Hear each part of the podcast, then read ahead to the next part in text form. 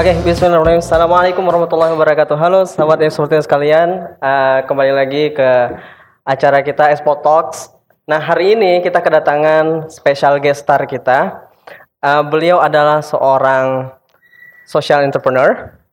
Beliau juga seorang organisatoris cukup cemerlang ya. Uh, kalau saya lihat uh, cemerlang banget uh, jejak karirnya. Beliau juga seorang ayah jadi uh, mungkin langsung saja kita kenalan sama special guest star kita. Welcome to the show Expo Talks right now, Mr. Ajib Hamdani. Assalamualaikum warahmatullahi wabarakatuh. Bang Ajib, apa kabar Bang? Alhamdulillah. Sehat. Ini perjalanan ke sini gimana Bang? Uh, lancar-lancar aja atau ada macetnya tadi? Dari Bintaro ke Depok perjalanan uh, lumayan Uh, trafficnya cukup lumayan, tapi mm -hmm. kalau saya memaknai mm -hmm. sebuah traffic yang macet itu berarti mm -hmm. ekonomi berjalan dengan baik. Boleh. Nah, kita gitu. okay, Jadi saya justru seneng untuk satu sisi ketika uh, uh. oh ternyata macet ya, ya alhamdulillah ekonomi akan mulai bergulir dan itu yang kita harapkan bersama-sama. Oke. Okay. Itu Mister Ridwan. Siap siap. Uh, Bang Ajib ini pertanyaan pertama saya ya. Ya. Pertama, Bang Ajib saya udah baca dari awal biografi Bang Ajib segala macam. Pertama pertanyaan saya adalah Bang Ajib kenapa bisa keren kali? Saya nggak bisa kayak gini Bang. Ini keren banget soalnya. Guys, ini orangnya keren banget. Ini saya perkenalkan ya. Bang Ajib adalah uh, sebentar saya baca. Bang Ajib pernah menjadi PNS di Direktorat Pajak tahun 2002 sampai 2009 benar Bang ya? Betul. Ya. Koreksi saya kalau keliru ya. Bang ya. Terusnya ya. Bang Ajib juga sekarang menjabat sebagai ketua bidang uh, keuangan dan perbankan di BPP ya. HIPMI. Ya. Wah luar biasa banget, cemerlang banget nih uh, karirnya. Nah, ya. um, dan juga seorang ayah ya. ya. Pertanyaan saya, gimana cara Bang Ajib bisa memanage waktu itu bisa apa sama-sama uh, tersalurkan gitu Bang? Nggak puyeng bang banyak banget ya, ini sebenarnya bang. begini ini kan tentang bagaimana kita memaknai hidup Siap. kalau saya sederhana saya, mm-hmm. saya pribadi memaknai hidup seperti yang mm-hmm. diajarkan oleh orang tua saya adalah bagaimana kita memberikan manfaat ke lebih banyak dan makin banyak orang. Sesederhana itu sebenarnya. Jadi kemudian ketika kita membuat pilihan-pilihan apakah mau jadi PNS ataukah mau jadi pengusaha, ya kita sekedar ambil keputusan aja untuk kemudian kita uh, eksekusi itu dan kita nikmati prosesnya. Okay. Nah, kalau kemudian uh, terus uh, pusing atau enggak? Karena begini Mister Ridwan, saya pernah yeah. baca quotes yang mm. saya merasa betul. Orang sukses dan orang gagal uh -uh. itu sama-sama punya persamaan dan sama-sama punya perbedaan. Apa tuh, Bang? Salah satu persamaannya adalah orang sukses dan orang gagal sama-sama punya waktu 24 jam sehari. Right. Perbedaannya right. adalah mm. orang sukses dan orang gagal tentang bagaimana mereka memanfaatkan waktu tersebut. Mm -hmm. Sebagai contoh begini, ketika dulu saya kuliah sejak mm -hmm. tahun jadi saya dari kecil sampai dengan SMA di sebuah kota kecil di daerah Jawa Tengah namanya di Magelang. Magelang ya. Kalau pernah jalan-jalan mm -hmm. ke, ke Borobudur, ke Candi Borobudur itu itu dekat rumah saya. Oh, iya.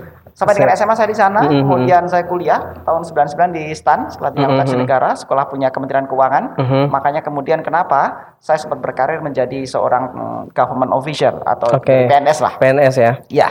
Uh, ya waktu kuliah kalau kita kuliah kan bisa aja habis kuliah kita pulang kita main mm -hmm. catur main kartu remi saya juga hobi dengan itu Wiss. tapi kemudian bagaimana kita memanage itu dengan baik karena uh. sejak kuliah kebetulan saya juga masuk organisasi mulai dari badan eksekutif saya di tingkat dua menjadi ketua himpunan mm -hmm. mahasiswa jurusan juga di tingkat tiga badan legislatif dan sempat beberapa organisasi ekstra kampus. Mm -hmm. Artinya ini tentang bagaimana masalah manajemen aja. Iya, bagaimana manajemen ya, waktu antara itu. Antara kuliah kemudian jadi PNS, mm -hmm. kemudian kerja uh, jadi pengusaha ini kan masalah skalanya aja. Iya. Tapi konteksnya mm. sama tentang bagaimana okay. manajemen waktu dan kita bertemu dengan banyak orang, silaturahmi dengan banyak orang. Saya kenal dengan Mr. Ridwan, saya juga banyak belajar seperti yes. ini kan. Nah, jadi kalau kita diajarin ibaratnya banyak silaturahmi. Iya, benar-benar. Insya Allah kita akan dipanjangkan umur dan benar. rezeki dari langit. Betul, betul banget. Oke, okay. Bang Ajib, kan uh, sesuai tadi ya, Bang Ajib kan pernah jadi PNS di Direktorat Pajak dari 2002 sampai 2009. Uh, eh, pertanyaan saya, kenapa Bang Ajib itu berani banget dan nekat gitu uh, untuk turn into uh, entrepreneur.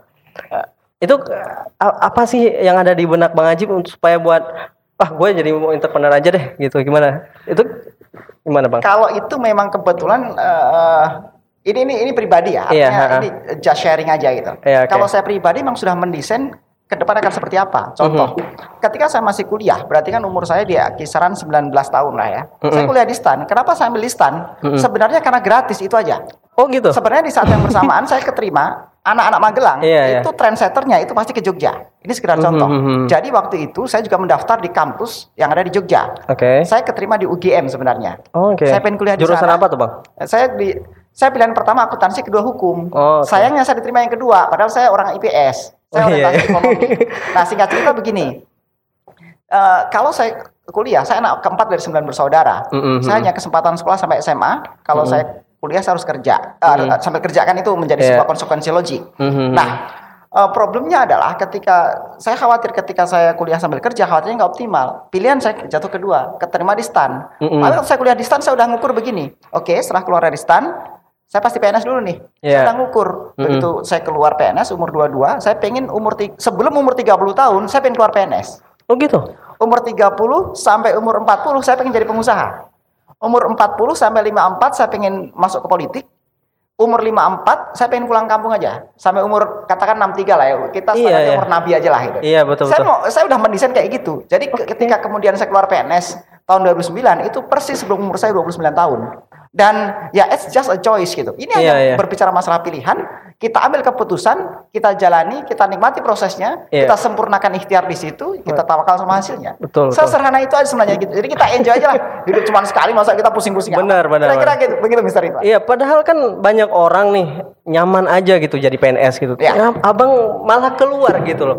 Eh, jadi gini, dalam konteks sekarang kita ini kan sedang Iya. tidak mendikotomikan mana yang lebih baik. Betul, betul. Jadi karyawan bagus, jadi Mm-mm, PNS, jadi PNS bagus, bagus. profesional bagus, pengusaha juga tidak kalah bagusnya. Iya, betul. Justru bagaimana informasi-informasi secara utuh seperti ini perlu disampaikan kepada kawan-kawan mahasiswa. Mhm. Ketika mereka lulus pun mereka punya banyak pilihan. Oke. Profesional boleh, karyawan boleh. Yang penting kita enjoy di mana. Betul. Itu poinnya. Nah, sekarang eh, kenapa saya keluar dari zona nyaman kalau tadi Mhm. Mr. Ridwan bilang? Mhm. Betul, karena saya banyak diajarkan bahwa the enemy of a great life is a good life. Musuh dari kehidupan yang luar biasa adalah kehidupan yang nyaman. Hmm. Jadi ketika Oke, kita oke. merasa Mhm. nyaman dalam satu titik, sebenarnya kita sedang menghilangkan kesempatan untuk hidup That's the real enemy, biasa. right? Ya. Oke. Nah, termasuk begini, terkadang ketika misalnya eh, ini ini ada analisa kuantitatif maupun kualitatif. Mhm. Berbicara kuantitatif ya berbicara kita punya gaji berapa banyak, Betul. berapa banyak, aset Mhm. berapa banyak. Itulah alat-alat ukur kuantitatif. Iya. Itu tidak sesuatu yang tidak bisa kita nafikan. Oke. Karena berbicara berbicara misalnya uang, Mhm. yang uang satu juta lebih banyak daripada uang seratus ribu, udah Betul, pasti. benar, benar. Kita punya penghasilan 100 juta sebulan lebih banyak daripada misalnya 10 juta sebulan. Iya. Itu adalah analisa analisa kuantitatif. Mhm. Tapi hidup bukan sekedar berbicara uang. Iya. Ini berbicara kualitatif. Misalnya Oh, kita pengen kerja, kita pengen dengan bisnis gitu. Misalnya gini, kalau saya PNS saya membantu banyak orang. Mhm. Tapi ketika saya bisnis ada 10 karyawan, 20 karyawan, mereka hidup eh, lewat cara hidup yang sedang kita bangun gitu. Betul, betul. Nah, jadi hal seperti itu yang perlu kita ini hidup, hidup ini harus ada filosofinya. Iya. Sederhana itu. Jadi jangan eh, misalnya PNS juga bagus kok teman saya yang PNS sekarang sudah ada yang S2, S3 sekolah dinas, jadi Mm. eselon 4 juga banyak. Artinya ini tentang berbicara tentang pilihan aja.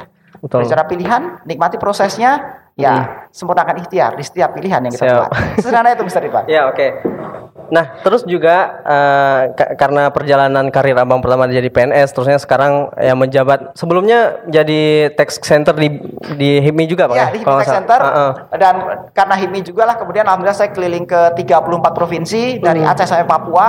Jadi sebenarnya Indo- saya melihat Indonesia ini Hmm. negara besar, Indonesia ini negara yang luar biasa. That's right. Ini hanya tentang masalah manajemen. Benar, dan saya yakin setiap dari kita punya hak dan punya kesempatan untuk, untuk uh, punya social welfare yang lebih baik. Dan Oke. itulah yang uh, layak untuk kita perjuangkan. Nah sekarang abang kan sebagai BP eh, Ketua Bidang Keuangan dan Perbankan di Ya. HIPMI ya. Ya. Dan sederhananya eh, kira-kira gagasan apa sih yang akan abang eh, gebrak itu eh, di HIPMI ini bang? Jadi begini, uh, Mr. Ridwan, Mm-mm. uh, HIPMI adalah infrastruktur yang kita mempunyai pengurus sampai dengan 34 provinsi dan di Alright. lebih dari 400 kabupaten kota. Mhm. Kita anggota HIPMI itu yang maksimal umur 41 tahun dari segala macam sektor dan segala skala bisnis, mulai Mhm, dari. UKM dan 70% adalah Iya, iya. UKM. Mhm. Jadi kalau ditanya uh, kenapa ada di HIPMI? Karena saya Mhm. berpikir kita bisa berikan manfaat lebih banyak ketika ada di HIPMI. Mhm. Apalagi bidang saya adalah bidang keuangan dan perbankan Mhm. Bidang keuangan perbankan bulan ini akan meluncurkan metode-metode pembiayaan Mhm. yang bisa membantu kawan-kawan pengusaha dengan segala macam bisnisnya. Mhm. Kita mulai dari perbankan, fintech, crowdfunding, BLU, bahkan kita pendanaan mandiri kita sediakan. Jadi ketika gitu ya? teman-teman pengusaha se-Indonesia punya kesulitan permodalan, karena ini analisa HIPMI begini. Mhm. Ivan. Ketika kita tanya kepada kawan-kawan, Iya. terutama orang milenial atau bahkan yang masih kuliah rata-rata, Iya, mm-mm. Mereka pengen bisnis nggak? Mereka rata-rata Pasti. hampir semuanya pengen bisnis. Pasti. Tapi kemudian ketika kita masuk ke pertanyaan kedua, Mm-mm. siapa yang sudah punya bisnis? Hanya 5 sampai 10 persen. Iya, mungkin sem- de- 10 9 eh, Nah. dari satu nggak punya bisnis Kemudian gitu. ketika kita tanya, yang Heeh. kepada yang belum bisnis, kenapa belum bisnis? Iya. Jawaban pertama itu mereka bukan berbicara karena nggak punya visi, nggak punya jaringan, nggak Mm-mm. punya eh, pertemanan, Mm-mm. tapi jawaban mereka nggak punya modal. Secara Iya, spontan, pasti. Kecenderungannya menjawab itu. Mm-mm. Nah, kita ingin menunjukkan bahwa sebenarnya modal itu bukan satu-satunya hal yang eh, paling penting. Satu hal yang penting, tapi bukan yang paling penting dalam konteks Iya. pengembangan bisnis. Nah, itu Mm-mm. yang pengen kita kembangkan. Tapi sisi permodalan pun kita tetap juga Mm. sediakan. Begitu, Mr. Ridwan. Jadi kalau di HIPMI kita ingin mendeliver gagasan-gagasan yang terbaik dan bermanfaat buat seluruh kawan-kawan pengusaha dan seluruh masyarakat dalam konteks yang lebih luas. Mm-hmm. Oke. Begitu, Mr. Ridwan. Siap, siap. Eh, Bang Ajib ini luar biasa banget nih eh, wawasan dari Bang Ajib ya. Terusnya gini Bang, banyak banget nih sobat eksportir. Saya lihat di Oke. Instagram eh, feed ini kan banyak yang nanyain eh, karena eh, apa? Abang adalah sebagai eh, salah satu anggota ataupun pengurus ya, pengurus BPP HIPMI. Pertanyaan sobat eksportir tuh macam-macam, tapi saya rangkum mungkin yang Oke, satu aja ya, ya. Oke. Pal- eh, sebenarnya lini bisnis yang Bang Ajib eh, yang sedang eh, digerakin itu apa aja sih Bang? Oke. Eh, kalau boleh tahu gitu. Oke, saya bermain di sektor primer. Sektor primer Apa tuh Bang? eh, saya mengambil keunggulan kooperatif yang dipu- dipunyai Indonesia. Saya Mhm. berbicara bergerak di agro dan di maritim. Agro, maritim. Kenapa saya bergerak di dua ini? Karena ada filosofinya juga. Mhm. Berbicara agro, Mhm. Indonesia adalah negeri agraris. Betul. Tapi terjadi sebuah paradoks di kita. 76% petani tidak bisa mengakses perbankan. Makanya kenapa nilai tukar petani itu yang menjadi Really? indikator tingkat kesejahteraan kita sangat rendah.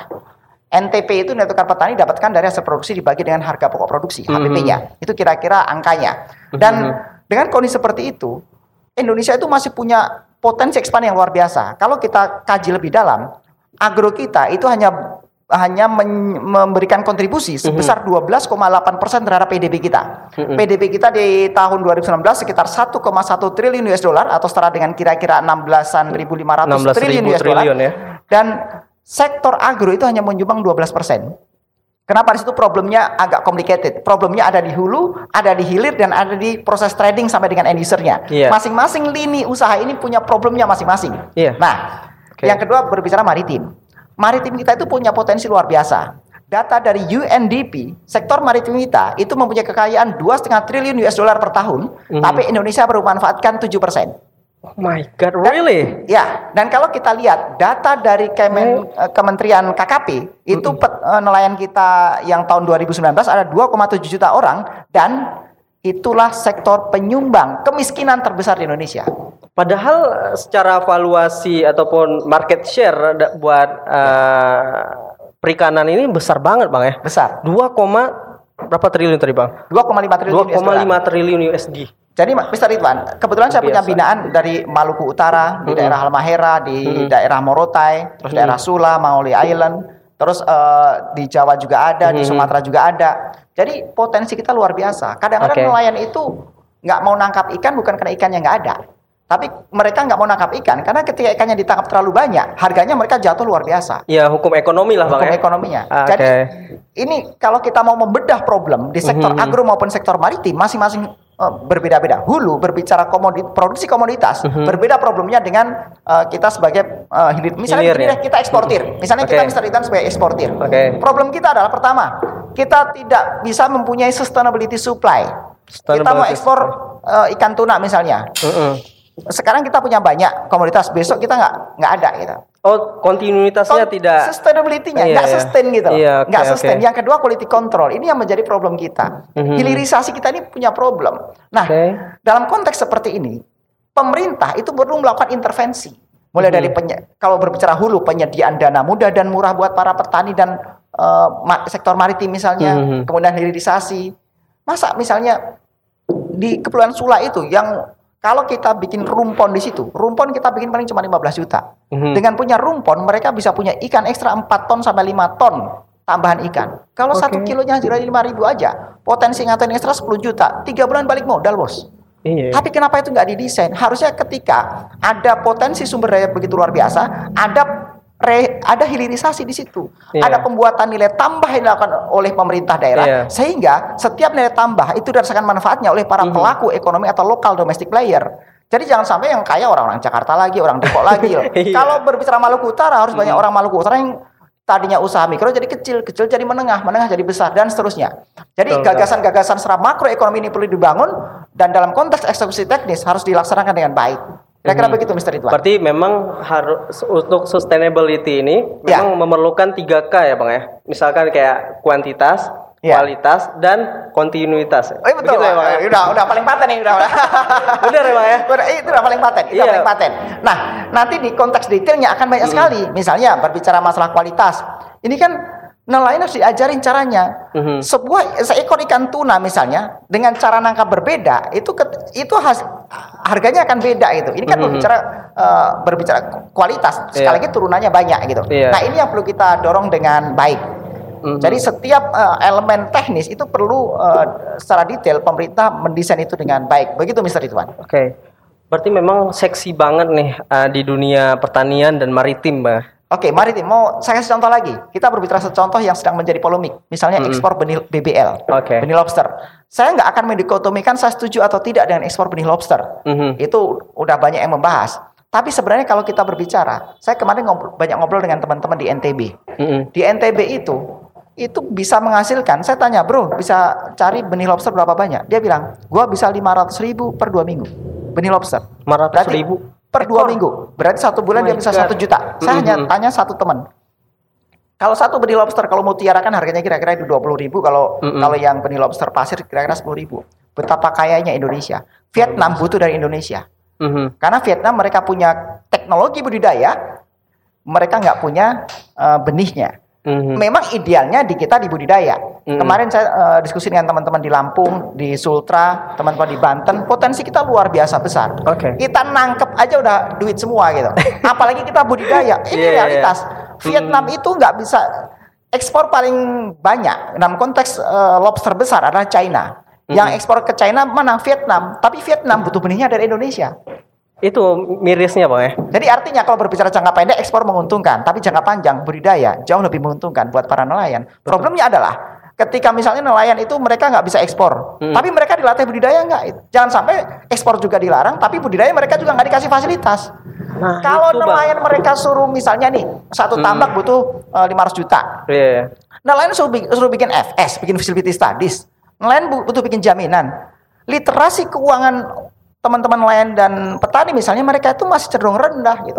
Ya mereka juga rata-rata nggak bankable ya. Itu problemnya. Iya. Nah, bagaimana pemerintah mendesain dari hulu sampai hilir ini yang saya maksud. Pemerintah ini bukan konteks yang membuat larangan-larangan. Mhm. Tugas pemerintah adalah membuat regulasi, sebuah aturan-aturan yang, Memudahkan juga gitu ya. yang tujuannya untuk social welfare. Kira-kira demikian, Mr. Ridwan. Oke. Nah, eh, tadi saya tangkapkan pas eh, untuk lini bisnis eh, Bang Ajib sendiri itu adalah di pertanian dan di perikanan. Ya. Dan itu juga sobat eksportir sekalian, kalau kalian pernah dengar sebuah startup yang cukup eksis di Indonesia, eh, namanya itu eh, Tani Joy, ya bang ya, Tani ya. Joy dan Fish On ini saya saya endorse nih. Ini Ya. kalau misalkan naik usernya harus bayar pajak ya, harus bayar pajak ke Mr. Spotir, ya. Oke. Ya, ya. Jadi di Tani Joy dan Fish On eh, dua dua perusahaan startup dan ini eh, lininya sama bang ya crowdfunding ya bang Eh, beda. Jadi Beda. kita ini Hmm. bukan sekedar crowdfunding, tapi Oke. kita membangun ekosistem bisnis dari hulu sampai hilir. Oke. Makanya kalau saya sih lebih senang menyebutnya bukan sekedar eh, platform, tapi ek- ekosistem bisnis. gitu. ekosistem bisnis Jadi, itu ya Berbicara misalnya eh, berbicara Tani Joy, kita mulai dari pendanaannya, Mm-mm. mulai dari pengawasannya, kita punya pe- pengawas-pengawas lapangan, Mm-mm. sampai dengan pemasarannya kita bantu. Oke. Nanti kita Mhm. bisa sistem bagi hasil dengan petani. Oke. Kalau konteks fish on, bahkan kita punya teknologi, kita cari ikan itu ada di mana. Hmm, oke Jadi kita tahu lokasi-lokasi ikan ada di mana, nel- nelayan tinggal mengarah ke lokasi tersebut, tinggal tangkap, balik lagi. Jadi mereka lebih hemat waktu, lebih hemat bahan bakar. ya Jadi dengan uh, abang nih uh, untuk memfounding uh, dua perusahaan startup nih, I think what kind of solutions that you gonna solve for our farmers and fishermen gitu bang? Ya, kita prinsipnya adalah pengen menjadi problem solver atas problem karena begini permasalahan hmm. petani dan permasalahan nelayan berbeda-beda. Beda ya? Sangat beda. Okay. Berbicara nelayan bukan mereka cuma sekedar butuh modal, modal mudah dan murah bukan sekedar itu, mm -hmm. tapi bagaimana pasar karena kalau kita datang ke nelayan, kebetulan mm -hmm. saya juga sering ke pantai-pantai tempat binaan kita. Mereka itu ketika datang bawa hasil melaut, misalnya mereka jual ke mm -hmm istilah sederhananya ke para tengkulak misalnya, ya harga mereka yang menentukan gitu. Yeah. Jadi ini baru proses itu, belum hilirisasinya. Mereka nggak pernah tahu harga yang bagus. Pokoknya ikan sekian sekian yeah. harganya ya. Nah ini yang saya maksud. Filosofi yang kita bangun dengan hadirnya Tani Joy maupun Vison adalah bagaimana kita menjadi problem solver atas masalah-masalah yang identik dengan para petani yeah, dan yeah. identik dengan para nelayan dari semua lininya. Apakah hulunya dari sisi komoditas dari sisi hmm. produktivitas komoditas maupun hilirisasi dan pembuatan nilai tambah termasuk dengan trading sampai dengan end user. Demikian Mr. Ridwan. Oke. Okay. Berarti saya kira kalau saya kira ya secara di luar kan uh, ini platform uh, sejenis platform crowdfunding. Tapi uh, se sebenarnya adalah uh, untuk menghubungkan hulu ke hilir ya, ya sebagai betul. sebuah ekosistem. Iya. Bahkan sebenarnya kalau konteksnya Vision kita nggak pernah crowdfunding. Vision justru membantu permodalan buat para nelayan. Jadi mm -hmm. nelayan yang mau melaut kita kasih modal. Kita sebagai penjamin ke perbankan. Oh, gitu. Termasuk luar biasa. Salah Ini ya. mungkin adalah salah satu ide yang uh, sangat disruptif ya, Bang. Ya, memang sebuah realitas bisnis ke depan adalah adanya disruption. Disruption, disruption. masalah eh, batas-batas uh, uh, tempat, batas-batas uh, terobosan dan lini-lini bisnis. Sekarang mm -hmm middleman harus kita cut karena itu yang membuat iya. ekonomi biaya tinggi. Betul, Mr. Ridwan pasti lebih paham sebagai seorang eksportir dan bermain di hilir masalahnya kan. Iya. Terlalu banyak middleman ini yang membuat ekonomi betul, biaya tinggi dan, betul. dan cenderung harga kita jadi nggak kompetitif. Benar, Kalau benar. kita bisa disrupt ke langsung ke para petaninya, iya. ke ke pemu yang punya komoditas, mm -hmm. yang produksi, maka mm -hmm. ini akan kuncinya kan nilai tambahin lari ke mana? Betul. Kalau terlalu banyak ke middleman, mm-hmm. ya petani dan lain nggak pernah sejahtera. Tapi betul, ketika betul. kita bisa mendesain sebuah ekosistem platform, mm-hmm. itu akan bisa meningkatkan kesejahteraan buat para pelaku usaha paling ujung. Itu okay. adalah filosofi yang kita bangun. Okay. Makanya kita punya program yang namanya sejuta nelayan berdaulat. Target mm-hmm. kita itu adalah program dari Kemenko Maritim, dari Kemenko Maritim dari Pak Luhut uh. Panjaitan untuk bagaimana mendorong adanya target satu juta nelayan lebih berdaulat dan itu yang menjadi target kuantitatif dari Fish On. Dan itu target Fish On. Iya betul. Okay. Jadi ini programnya Kemenko Maritim, pelaksana teknisnya Fish On. Oke. Okay. Dan Fish On sudah ada infrastruktur berapa banyak Pak? Uh, kita Bang, sudah ada infrastruktur di, di 15 provinsi, 15 tapi provinsi. karena kita baru di launching oleh Pak Luhut kan setahun yang lalu, tapi karena kita kena pandemi dari bulan Februari jadi kita mm. sementara stop. Karena Berarti kita, baru Bang ya? Ini baru. 2019 ya? Ini baru, ini baru 2019. Wow. Jadi dari Kemenko Maritim langsung dan asosiasi pengusaha mm -hmm. Uh, kabupaten dan kota pesisir. Mm -hmm. Jadi mereka uh, melaunching Vision di Jakarta waktu itu. Dan okay. kita sudah punya pindahan di infrastruktur di 15 provinsi. Ada satu klip yang saya ambil dari mohon maaf Bang. Oh, iya. saya ambil di Instagram uh, boleh ditampilin. Oh, yang mana nih? Oke. Okay. Itu data data dari UNDP. Oh. artinya ruang di sini untuk kita mengoptimalkan potensi-potensi yang kita miliki sangat luar biasa. Seperti tadi Pak Ketum sampaikan, dua per tiga kita ini kan um, laut. Nah, ya problem yang pertama yang kami lihat di sektor hulunya yang dari nelayan adalah pertama masalah teknologi karena teknologi mereka itu cenderung masih uh, tertinggal sehingga produktivitasnya cenderung rendah. Inilah yang kemudian membuat nilai tukar nelayan itu masih rendah. Karena nilai tukar nelayan itu kan didapat dari produktivitas mereka setiap hari dikalikan dengan uh, harganya ikannya dibagi dengan berapa harga pokok produksinya mereka gitu. Nah, jadi ketika produktivitas mereka rendah, maka cenderung kesejahteraan e, nelayan itu miskin. Inilah yang kemudian fish on tangkap. Kenapa dari 2,7 nelayan Indonesia itu lebih dari satu juta nelayan itu masih miskin. Bahkan dari data BPS Pak Direktur itu sekitar 25% kemiskinan itu disumbang oleh sektor nelayan.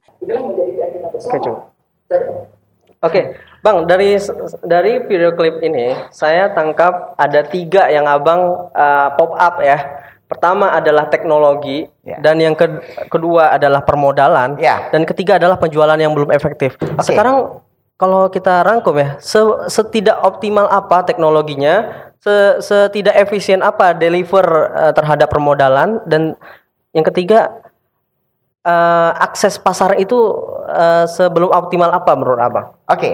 yang pertama berbicara teknologi, yeah. kita ini masih terlalu gapnya luar biasa antara pemilik kapal besar, mm -hmm. kapal menengah, kapal besar berarti yang 30 GT ke atas, yeah. yang kapal yang menengah yang 10 mm sampai 30 GT, kemudian yang di bawah 10 GT. Okay. Itu kesenjangan kita begitu luar biasa dan uh, itu terlalu complicated kalau kita mau membedah. Karena perizinan masing-masing kapal juga beda-beda. Yeah. Nah, dan mm -hmm. kita akan masuk nanti ke sisi teknis regulasi. Tapi prinsipnya adalah bagaimana seharusnya ada kesejahteraan yang lebih merata antara sem semua pemain ikan. Mm-hmm. Orang yang nelayan yang hanya punya kapal ketinting, yang punya kapal 3 GT, 5 GT, mereka juga harus mendapatkan fasilitas yang sama gitu. Iya. Nah, itu berbicara teknologi. Ini mm-hmm. berbicara ikan tangkap. Jadi ikan itu ada dua. Satu ikan tangkap, uh, yang kedua ikan budidaya, budidaya. atau fish culture. Mm-hmm. Nah, ikan budidaya itu kan bisa lebih diukur. Makanya mm-hmm. kenapa KKP sekarang juga akan fokus dengan ikan budidaya karena mereka lebih terukur dengan mereka mm-hmm. investasi misalnya di tambak, mm-hmm. hasilnya akan sangat bisa diukur predictable. Yeah. Di, uh. Setelah tiga bulan empat bulan akan dipanen sekian banyak. Mm-hmm. Nah, jadi antara ikan tangkap dengan ikan budidaya beda konteks, tapi sama-sama teknologi sangat berbeda. Sebagai yeah. contoh, sekarang ini berapa banyak kita yang kalau berbicara budidaya, mm-hmm. berapa banyak yang budidaya kita uh, tambak uh, uh, udang faname misalnya? Mm-hmm. Karena kita memang jauh banget ketinggalan dengan kualitas yang ada di Vietnam. Mm-hmm. Belum berbicara tadi masalah ekspor lobster gitu. Yeah. Ekspor lobster itu luar biasa. Karena memang Vietnam mereka teknologi sangat maju. Betul. Sebenarnya sesederhana aja, pemerintah harus intervensi dengan regulasi. Apa sulitnya? setiap uh, misalnya bisa hmm. pakai infrastruktur koperasi atau yang yeah. apa pun itu, hmm. tapi intinya teknologi itu langsung diinjek di masing-masing pelaku usaha di hulunya. Jadi iya, produktivitas mereka gitu tinggi. Ya. Ini baru berbicara maritim belum nelayan. Iya. Berbicara dana mudah dan murah. Sebenarnya KKP sudah punya program bagus. Mereka punya BLU sendiri. Mm-hmm. Punya dana mudah dan murah, hanya bunga 3% per tahun dan tidak usah pakai modal. Problemnya satu. Nelayan ini nggak bankable. Ya, mereka betul. ketika suruh bikin proposal aja sulit. Yeah. Repotnya lagi ketika dibutuhkan jaminan. Karena betul. memang betul kalau sampai dengan 50 juta nggak usah pakai jaminan. Mm-hmm. Tapi bagaimana mungkin KKP KKP nggak punya infrastruktur mm-hmm. untuk misalnya ada 100 nelayan, nanti collectionnya gimana? Karena buat uh, buat pendanaan itu problemnya itu justru dimulai ketika dia mendeliver uang. Betul. Bukan selesai ketika mendeliver enggak. Justru permasalahan itu dimulai ketika uang terdeliver. Collectionnya bagaimana? Mm-hmm. Itu jadi problem. Jadi pemerintah belum mempunyai sebuah desain standar tentang bagaimana uh, pendanaan mudah dan murah uh. buat para uh, pelaku usaha yang membuat produksi. Apalagi okay. berbicara pertanian. Kalau saya sih nggak setuju, misalnya subsidi-subsidi buat pupuk, subsidi. Kenapa? Yang menikmati adalah sektor usaha besar. Harusnya iya. subsidi itu atas produktivitas. Betul. Langsung produk, jadi orang berlomba-lomba, kamu mau pakai pupuk kimia, mau pakai pupuk organik, yang penting produksi tinggi, makin banyak subsidi yang dia uh, rasakan. Jadi sudah iya. sisi produktivitas. Nah, yang terakhir tadi berbicara masalah uh, market. Uh, ya. Mm -hmm. Jadi uh, mulai masalah teknologi, terus masalah uh, pendanaan, pendanaan, karena pendanaan kita juga masih skemanya masih uh, complicated. Iya. Kalau mau lihat perbankan, perbankan itu adalah sebuah keniscayaan yang paling bagus kalau kita mau mengembangkan bisnis. Tapi perbankan itu adalah sektor industri yang hmm. sangat-sangat hmm. high regulated. Hmm. Regulasinya tinggi, mereka harus prudent ketika mau mengeluarkan uang. Nah, ini adalah kondisi-kondisi yang menjadi problem utama dari sektor maritim. Kira-kira demikian, Mr. Ridwan. Oke, okay. berarti memang uh, pendanaannya aja juga, teknologinya juga belum optimal, yeah. pendanaannya juga belum terdeliver secara ini karena memang regulasinya komplikat ya, bang ya. Ya, complicated. Regulasi dan, kita masih complicated. Dan yang ke, yang ketiga itu pasti hilirnya terkadang ya memang kalau si uh, nelayan itu mau saya menjual itu ke middleman ya, Bang. Saya contoh. Iya. Uh, di daerah Garut Selatan, Garut Selatan mm -hmm. nyambung dengan Tasik Selatan, dia nyambung dengan Pangandaran. Mm -hmm. Di di Garut itu katakan ada 100 200 kelompok nelayan, mm -hmm. mereka nggak punya pabrik es. Beli esnya di mana? Dari Bandung, Bos. Cuk banget. ini ini gimana nelayan bisa sejahtera gitu. Uh -uh. Ini kan udah high cost. Ini iya. kan berbicara minyak atau BBM, i, termasuk dan juga iya. uh, es itu adalah faktor produksi utama mereka gitu. Iya, mereka iya. beli es. Saya ini karena habis ketemu dengan uh, binaan kita yang ada di Garut, mereka beli es es batu itu dari Bandung. Itu faktanya ya. Itu realitasnya. Ini baru okay. satu contoh kecil. Jangan diskusi dulu di sana ada cold storage atau enggak ya enggak ada lah gitu nggak ada pabrik es saja nggak ada ini yang perlu didesain dengan sengaja gitu nah inilah yeah, saya yeah, sebut yeah. membutuhkan intervensi regulasi hmm, hmm, hmm, karena misalnya gini pengusaha mau bikin usaha di sana kita kan nggak tahu lokal wisdom di sana gimana harus ada intervensi pemerintah membuat regulasi-regulasi khusus gitu. Kita mau beli tanah di sana, Mm-mm. pikir juga gitu. Iya, iya. Nah, bagaimana menyambungkan antara sisi investasi dengan lokal domestic player? Itulah fungsi strategisnya pemerintah. Oke. Demikian. Jadi ini kalau misalkan kembali lagi nih ke maritim ya bang ya. Iya. Ini kalau sesuai eh, pengalaman misalnya eksportir bang, eh, kita tuh ada eh, pengolah-pengolah ikan yang mau ekspor gitu. Oke. Tapi memang eh, kendalanya adalah mereka tidak memiliki izin ekspor yang eh, disebut itu HCCP. Ya, Oke. Nah, ini eh, ketika kita mau buatin eh, HCCP-nya itu berbulan-bulan, Bang. Itu gimana eh, apa namanya? eh, kayak mau ekspor tapi regulasinya disulitin gitu. Ya. Pandangan Abang gimana? Sebenarnya begini, pengusaha itu hanya bisa melakukan usaha ketika didorong dan didukung oleh regulasi yang yang eh, yang lain gitu, yang Iya. sama-sama mendukung. Problemnya seperti tadi, ketika kita siap ekspor, padahal permintaan dari mereka tuh harus cukup cepat. Mm-mm. Tapi kemudian ketika regulasi-regulasi yang ada itu cenderung menghambat, ini saya pikir masalah komunikasi. Iya betul. Eh, waktu kemarin terakhir itu saya diskusi dengan KKP dengan direktur pemasaran itu sebenarnya mereka sangat welcome. Jadi yang penting adalah bagaimana komunikasi yang kita bangun dengan regulator. Oh, iya. Karena memang kemudian harusnya ini dijadikan satu pintu dan ada timeline yang jelas. Karena kan buat pengusaha ini yang penting timeline, Bro, Mr. Oke. Ridwan. Mhm. Yang penting saya ngurusnya berapa lama karena itu menjadi alat-alat ukur kita untuk membuat projection cash flow. Mhm. Saya akan mengirim ikan sekian banyak, apalagi antar jenis ikan, Mhm. ikan yang berbeda, izinnya juga berbeda. itu Iya, yang iya. menjadi problem. Betul betul. Kita sekarang ngirim misalnya ngirim udang beda dengan ketika ngirim eh, ikan, Ikan. tenggiri misalnya ikan tenggiri beda dengan ikan tuna. Ini kan masing-masing perizinannya. Benar, benar, nah benar. ini yang perlu eh, kita rampingkan. Jadi Iya. kalau menurut saya yang dibutuhkan oleh dunia usaha adalah masalah ketepatan waktu yang jelas dan timeline. Karena sekali lagi timeline dari aturan-aturan termasuk itu Mhm. mempengaruhi dari projection yang kita buat sebagai pengusaha. Betul. Jadi eh, saran kita adalah teman-teman eksportir bikin komunikasi satu pintu ke KKP. Insya Allah kita akan bantu. Oke. Termasuk HIPMI sebagai asosiasi yang menjadi partnernya kementerian-kementerian terkait, kita akan bantu Mhm. komunikasi yang terbaik dengan dengan kementerian tersebut. Kami harapkan gitu sih bang. Soalnya memang eh, apa kalau dilihat dari data kita bang ya, Ya. itu no- number one yang paling banyak eh, inquiry itu adalah perikanan, ekspor Ya. perikanan. Dan terkadang eh, yang saya bilang tadi eh, si peternak ataupun pengolahnya, Ya. pengolah ikannya itu ataupun nelayannya mau ekspor langsung karena mereka udah punya buyer kan, udah punya eh, ba- pembeli di luar. Tapi memang eh, terkendalanya di HCCP itu. Nah makanya di situ juga eh, kita harapkan adanya fish on dan mungkin bisa kolaborasi nanti dengan Misa Eksportir buat Ya, oke, siap. eh, kita sejahterakan ya, nelayan kita buat bisa ekspor tanpa harus Ya. ada middleman bang. Se- ya, sepakat eh, Mr. Ridwan. Jadi pertama gini, perizinan-perizinan termasuk ACCP itu kan tujuannya adalah untuk quality control sebenarnya. Betul, betul. Tujuan utamanya Mm, itu. mm, Memang kemudian bagaimana dengan SDM dan infrastruktur yang dipunyai oleh KKP. Itu yang perlu kita dorong terus. Nah, insya Allah eh, apakah kita sebagai HIPMI atau Visonnya kita akan sangat siap support. Karena Vison itu menjadi partner strategiknya dari Kemenko Maritim yang itu tentunya sukses jalan dengan KKP karena perizinan-perizinan itu pintunya ada di KKP. Kementerian Teknis yang terkait adalah di situ. Dan insya Allah kita eh, eh, kebu- alhamdulillah kita setiap minggu ada Mhm. pertemuan dengan mereka kok. Oke. Kira-kira begitu, Mr. Ridwan. Siap, Jadi siap. ada masukan apa pun, ah, tinggal WA nanti saya, saya forward langsung. Oke, siap. siap. Oke.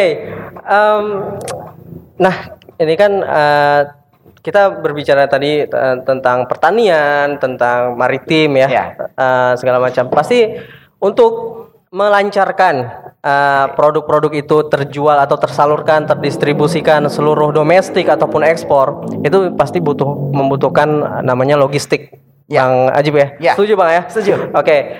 Eh, di satu cuplikan yang eh, per- tadi di satu cuplikan yang tadi sampai habis saya tonton itu, eh, Bang Ajib juga eh, apa eh, menyinggung tentang eh, logistik kita, Betul. logistik performance di Indonesia itu Ya. tidak eh, belum optimal. Setuju.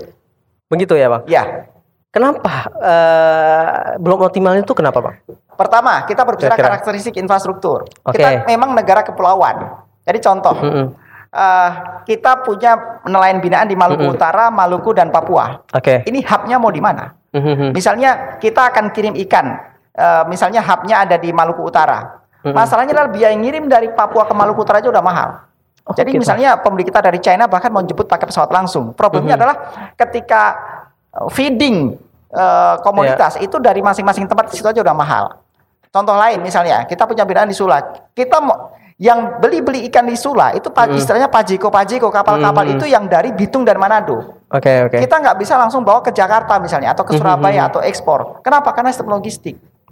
Kalau kapal misalnya dari Maluku Utara ke sini bawa ikan, hmm. kalau dari sini ke Maluku Utara kosong, itu kan biaya mahal. Iya. Dua kali itu hmm. itu kan biaya freight atau biaya pengangkutan. Hmm. Itu kan uh, sama dengan biaya logistik tersebut. Iya. Hmm. Itu yang buat kita mahal. Gagasan Pak Jokowi untuk tol laut itu bagus. Tapi kan hmm. ini belum optimal. Belum optimal. Belum optimal. Itu iya. itu realitas yang perlu kita lihat dan kita hmm. kritisi dengan konstruktif. Jadi hmm. logistik memang terpengaruh oleh karakteristik kita yang negara kepulauan. Iya. Satu sih negara kepulauan itu bagus karena kita punya yeah. potensi yang begitu luar biasa, mm-hmm. tapi kuncinya ada di logistik. Dan pemerintah sekali harus intervensi karena nggak mungkin misalnya gini, kita pengusaha ikan bos, yeah. kemudian kita suruh beli kapal juga untuk logistik kan nggak mungkin gitu. Iya betul.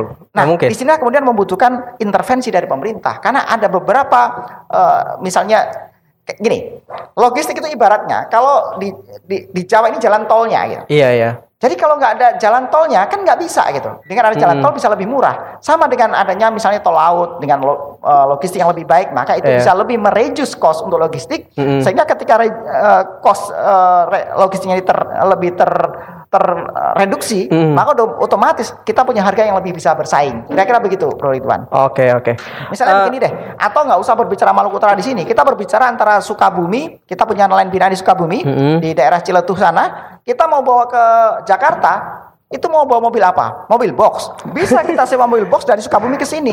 Tapi dari Jakarta ke Sukabumi lagi mahal lagi. Sehingga kemudian kita harus diskusi, oke, okay, dinas punya nggak? Sehingga sementara kita harus mm -hmm. numpang. Dengan numpang-numpang itu kan skala bisnis berapa banyak yang bisa kita develop, nggak bisa secara profesional. Yeah. Nah, itu yang kita maksud. Sehingga bagaimana logistik ini terpecahkan dengan baik. Oke, okay. ini sebenarnya ada ada ada uh, seksi ketiga lagi bang. Uh, kita ada Q&A. Oh, Nanti uh, ya. apa?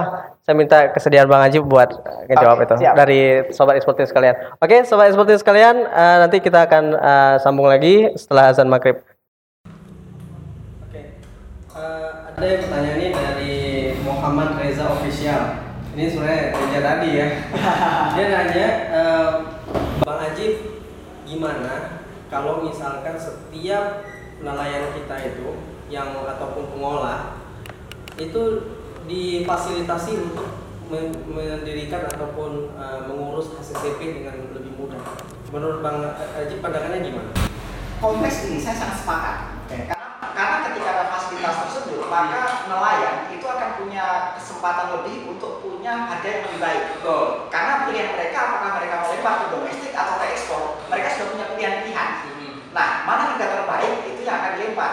Karena berbicara masalah HCCP adalah bottlenecking ketika orang mau ekspor. Nah ini, ketika ini bisa difasilitasi entah oleh pemerintah ataupun oleh asosiasi atau oleh Pemda, hmm. maka ini akan menjadi uh, sebuah jalan keluar sehingga yang paling diuntungkan siapa? Nelayan itu sendiri. Betul. Jadi ini usul bagus. Kita nanti akan komunikasi ke bantu komunikasi ke KKP. Tinggal teman-teman dari asosiasi apa asosiasi eksportir atau asosiasi nelayan. Tapi prinsipnya kalau dari kita dari HIPMI sangat siap untuk fasilitasi itu dan kita buat piloting aja Ridwan. Oke. Okay. Misalnya piloting di daerah uh, mana hasil ikan tuna terbaik salah satunya di Maluku, di Maluku Utara, Sulawesi, Sulawesi, Sulawesi Tengah itu bagus banget mulai dari Bangkai Kepulauan itu satu paket dengan Maluku Utara itu uh, raw ikan semua di situ. Yeah. Nah kita gini aja kita konkret kita bikin piloting bagaimana nelayan-nelayan binaan-binaan ini karena mereka nggak mungkin eh, melakukan industrialisasi sendiri. Hmm. Mereka harus by design ketika mereka nelayan satu orang satu orang atau kooperasi yang profesional di sana harus CCP mereka sulit tetapi bagaimana kita yang di situ memfasilitasi entah itu lewat kooperasi e, nelayan yang ada di sana yeah. itu saya pikir menjadi sebuah terobosan yang luar biasa mm-hmm. jadi prinsipnya adalah para nelayan mereka lebih punya alternatif menjual apakah ke domestik ataupun ke ekspor yeah. tapi fasilitas-fasilitas dibutuhkan perlu disediakan dengan baik dan baik desain bagi kita semua soalnya HCCP ini kan bukan hanya untuk ekspor nih bang ya ternyata saya pernah uh, ngobrol juga dengan uh, pemasaran uh, hoka-hoka bento. Ya. Itu ternyata perusahaan-perusahaan mereka juga kalau mau terima ikan dari ataupun uh, pasokan seafood dari ya. Uh, domestik itu wajib HCP juga, Pak. Ya, karena kebetulan itu adalah perusahaan-perusahaan yang hmm. mereka uh, terafiliasi dengan perusahaan besar luar, termasuk uh, kalau tadi ada hoka-hoka bento untuk anak Susite misalnya. Sama. Jadi mereka juga mempunyai standarisasi karena hasil itu tujuannya kan bagus banyak Pak. Mereka quality control atas produk-produk yang ada gitu. Bahkan uh, ekstrimnya kalau ikan tuna harus tahu ditangkapnya di mana gitu. untuk menjamin bagaimana uh, uh, ekosistem ikan itu terjaga dengan baik. Nah, kembali ke tadi Uh, ketika dijual ke domestik karena menurut kita kalau Hokben misalnya atau termasuk Susite itu kan juga termasuk hmm. bagian dari penanaman modal yeah. asing itu juga hmm. uh, semi-semi ekspor juga sebenarnya betul, karena betul, betul. ketika mereka nggak mengambil ikan dari kita mereka akan mengambil impor dari negara lain Oh, Jadi artinya okay. mereka punya standarisasi tersendiri. Betul, benar, benar. Nah, standarisasi itu memang cenderung tidak dibutuhkan untuk uh, kebutuhan domestik. Iya, iya. Uh, uh, maksud saya domestik di sini adalah untuk uh, kebutuhan lokal kita aja, iya, industri-industri yang ada di pasar, di rumah mhm, tangga, mhm. di hotel, di restoran secara mhm, umum. Kira-kira begitu, Mr. Ridwan. Oke, okay, oke. Okay. Mungkin pertanyaan terakhir nih, ya. uh, Bang Ajib. Apa sih uh, menurut pandangan Bang Ajib langkah-langkah konkret untuk mempercepat dan uh, menggenjot ekspor barang ke, ke depan. Mungkin bisa Jadi, di sebenarnya berbicara mengejut ekspor ini sejalan dengan gagasannya pemerintahan dan presiden sekarang. Betul. Bagaimana ada hmm. dua gagasan utama. Satu adalah orientasi ekspor, yang kedua substitusi impor. Hmm. Itu yang paling didorong. Okay. Sekarang bagaimana mengejut itu? Saya pikir perlu dilakukan hmm. kerjasama tripartit antara pengusaha, hmm. lembaga keuangan, karena berbicara ekspor nanti pasti berbicara butuh pembiayaan. Iya. Yeah. Uh, uh, yang ketiga adalah masalah regulator. Hmm. Jadi antara regulator, pengusaha, dan uh, dunia perbankan. Okay. Ketika tripartit tripartit ini bisa disambungkan dengan baik, mm -hmm. maka ekspor itu akan menjadi uh, peningkatan yang luar biasa karena kita mempunyai mm -hmm. sumber daya untuk itu. Okay. Itu Mas Iqbal. Tiga kata buat ekspor buat uh, maritim kita di Indonesia. Maritim terus berjaya. Maritim terus berjaya. Tuh, sobat eksportir sekalian, maritim harus berjaya karena Dan, maritim adalah uh, sektor boleh, yang paling seksi. Boleh tiga kata lagi? Oke, okay, apa tuh? Nelayan harus kaya. Nelayan harus kaya. udah, udah. Ini okay. benar-benar luar biasa. Ini ini benar-benar kita ingin nelayan itu kaya ya, ya. ya Oke. Okay. Thank you very much, uh, sobat eksportir sekalian udah uh, menonton. Uh, jangan lupa untuk uh, mendapatkan informasi lebih lanjut tentang ekspor, silahkan kunjungi www.mrexportir.com dan follow kita di IG at Mr. Dan uh, Twitter at Mr. Mungkin itu aja. Terima kasih uh, Bang Ajib Sama-sama udah meluangkan waktunya datang ke podcast Mr. Export Talks. Ya. ya dan semoga bermanfaat. Syukran jazilan. Assalamualaikum warahmatullahi wabarakatuh. Terima kasih Bang Ajib. Siap sama-sama.